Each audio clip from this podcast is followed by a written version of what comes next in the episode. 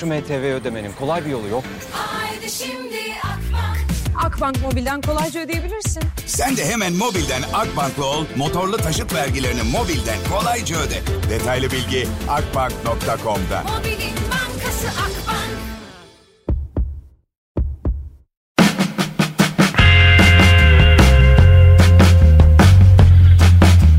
Sesli harfler.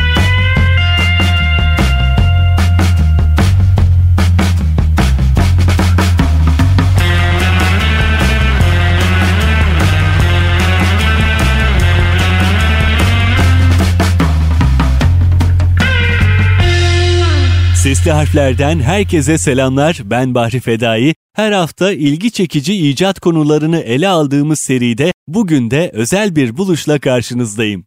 Sesli harflerin bugünkü icat konusu Blue Jean kot pantolon.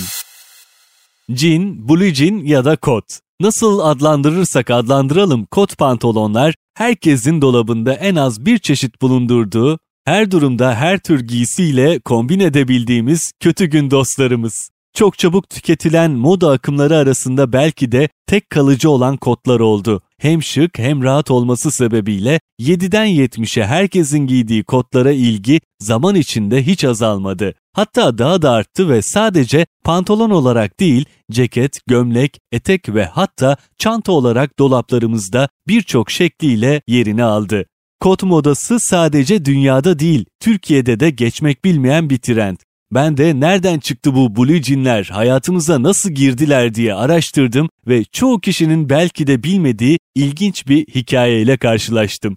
Hemen söyleyelim, kot pantolonun arkasındaki isim Alman asıllı Amerikalı girişimci Levi Strauss. Bugün Levi's olarak bilinen kot markası da yine onun tarafından kuruldu. Levi Strauss 26 Şubat 1829'da Almanya'da doğdu. Levi Strauss'un gerçek ismi ise Lüb'dü. Babasını ve annesini 1846 yılında 2 yıl arayla verem nedeniyle kaybetti. Bu durum üzerine Levi ve ablası Fanny New York'a göç ettiler. Orada Jonas ve Louis adlı kardeşleri vardı ve manifatura işiyle uğraşıyorlardı. Genç Lup de abilerinin yanında ticareti öğrendi ve 1850'den itibaren çevresi tarafından Levi olarak anılmaya başlandı. O dönemlerde yani 1848'de Kaliforniya eyaletinde altın madeni bulunmuştu. Kaliforniya altına hücum dönemi olarak adlandırılan bu dönemde Levi'da altından pay alabilmek için San Francisco'ya yerleşmeye karar verdi. Ancak altın madenini işlemeyi bilmiyordu. 1853'ün ilk aylarında Amerikan vatandaşı oldu ve Panama kanalı üzerinden Batı Amerika'ya gitti. Mart 1853'te hareketli ve gürültülü bir şehir olan San Francisco'ya vardı. Kardeşlerinin New York'ta işlettiği J. Strauss Brother Company adlı manifatura şirketinin Kaliforniya temsilcisi olarak çalışmaya başladı. İthal ettiği kumaş, kıyafet, iç çamaşırı gibi şeyleri küçük mağazalara satmaya başladı. O dönem Kaliforniya'ya akın eden maden avcıları ve aileleri bu mağazalarda satılan kıyafetleri satın alıyorlardı. Levi Strauss'un ilk iş adresi Sacramento Street 90 numaradaydı. Şirketin adı da Levi Strauss'tu. Bu lokasyon 1850'li yıllarda limana çok yakın olduğu için Levi Strauss'un abileri tarafından New York'tan gönderilen malları kolayca tedarik edebiliyordu. Daha sonra aynı sokağın 62, 63 ve 65 numaralı adreslerinde de yeni mağazalarını açtı. Hem ünü hem de ticari başarısı giderek artıyordu. O dönemlerde Levi Strauss'un kız kardeşi Fanny ile evlenen David Stern, Levi Strauss'a ortak oldu. 1863 yılında şirketin adı Levi Strauss Company olarak değiştirildi. En son olarak da Bedry Street'te 14-16 numaralı bina şirketin adresi oldu ve burada 40 yıl boyunca hizmet verdiler. Sürdürülebilir fonlarla yatırımın geleceği Akbank'ta. Ak Portföy'den elektrikli ve otonom araç teknolojileri değişken fonu, sağlık sektörü yabancı hisse senedi fonu, alternatif enerji yabancı hisse senedi fonu ve AGESA sürdürülebilirlik hisse senedi emeklilik yatırım fonuyla sürdürülebilir bir geleceğe yatırım yapabilirsin. Detaylar akbank.com ve akportföy.com.tr'de. Levi Strauss 30'lu yaşlarının ortasında San Francisco'da oldukça popüler bir insandı. Şehrin ticari ve kültürel etkinliklerinde sık sık boy gösteriyordu. Bu kadar ünlü ve aktif bir insan olmasına rağmen çalışanlarının kendisine Mr. Strauss demesini istemiyor, kendisine sadece Levi denmesini talep ediyordu. Levi 1872 yılında Nevadalı bir terzi olan Jacob Davis'ten bir mektup aldı. Davis, Levi Strauss'un düzenli müşterilerinden biriydi ve ondan kumaş satın alıyordu. Jacob Davis mektupta kendi diktiği yeni bir pantolon türünden bahsetmişti. Pantolonun cep köşeleri ve düğme noktalarına metal bir perçin yerleştirdiğini, bu sayede işçi pantolonlarının daha sağlam olduğunu belirtiyordu. Jacob Davis bu yöntemin patentini almak istiyor, bunun için de Levi Strauss'un fikrini merak ediyordu. Hatta patenti ortaklaşa almalarını, bu sayede patent masrafını da bölüşebileceklerini teklif etmişti. Levi Strauss da bu fikirden oldukça etkilendi ve 20 Mayıs 1873'te patenti aldılar. Bu tarih bugün bildiğimiz lacivert kot pantolonun doğum günüdür.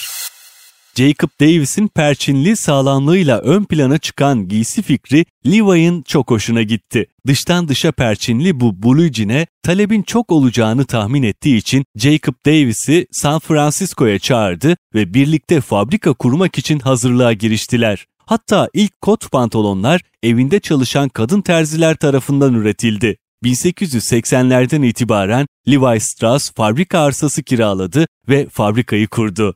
Ünlü 501 model kot pantolon kısa süre içinde büyük ilgi gördü. Bu ilgi üzerine farklı kesime sahip modeller de üretilmeye başlandı. Levi Strauss bu süreçte diğer işlerini de yürütmeye devam ediyordu. 1877 yılında San Francisco Ticaret Odası'nın yönetim kuruluna girdi. Aynı zamanda Nevada Bank'ın direktörü, Liverpool ve Londra Sigorta Şirketi'nin yönetim kurulundaydı. 1875 yılında Levi Strauss ve iki ortağı Mission and Pacific Woolen Mills adındaki bir yün fabrikasını satın aldı. Burada üretilen kumaşlarda Levi's marka kot ve ceketlerin üretiminde kullanıldı. 1800'lü yılların sonunda Levi Strauss hala şirketin günlük işleriyle birebir ilgileniyordu. O dönem ortağı olan Davis Strong vefat edince onun çocukları ve Levi'nin kendi yeğenleri de şirkette çalışmaya başladılar. 1890 yılında üretilen kot modeline 501 adı verildi. Levi ve yeğenleri de şirkete ortak oldular. Diğer bir deyişle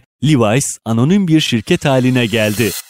İlk başlarda çok sıradan bir ürün olarak görülen blue jean pantolonlar, kovboylar, oduncular, demiryolu işçileri, petrol işçileri ve çiftçilerin en talep gören giysisi haline geldi. Kovboylar için üretilen kotların ise ata rahat binmeleri için dar dikilmesi gerekiyordu. Bunun çaresi de bulundu. 1902'de pantolonların arkasına iki tane cep dikildi. Kot pantolonun günlük giysi haline dönüştürülmesi amaçlanmıştı ve zamanla bu başarı elde edildi.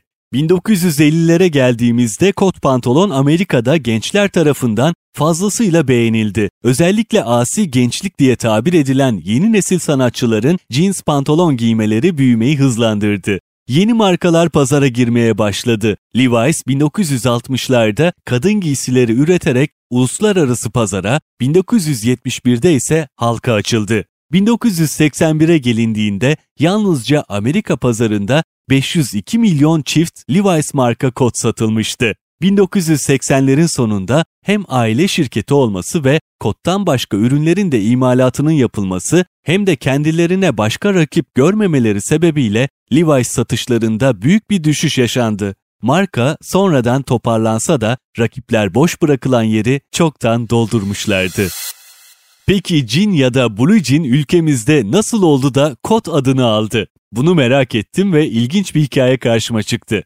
1950'lerde Türkiye'de tekstil işiyle uğraşan yalnızca bir tüccar vardı. Bu söz konusu tüccar 1940'lı yılların sonuna doğru terzilik eğitimi için Fransa'da bulunuyor ve orada Brujin olarak bilinen bu meşhur kumaşı görüyor. Bu sağlam pantolonların Türkiye'deki köylü ve işçiler için de oldukça kullanışlı olabileceğini düşünüyor. Bu başarılı ve girişken tüccar Muhteşem Kot ismiyle bilinir ve Türkiye'de açmış olduğu firmasının adı soy ismi olan Kot'tur. 50'li yıllardan sonra muhteşem kotun girişimleriyle birlikte Blue Jean'ler Türkiye'de üretilmeye başlanır ve dayanıklılığından ötürü ilk olarak köylü ve işçiye hitap edeceğini düşünür. Türkiye'de ilk kez Ankara Saman Pazarı ve İstanbul Karaköy'de satışa çıkar. Bugün giymekten büyük keyif aldığımız rahatlık abidesi kumaşa kot dememizin nedeni söz konusu kumaşı ülkemize getirmiş olan muhteşem kotun soyadı ve yine aynı adı taşımakta olan markasıdır.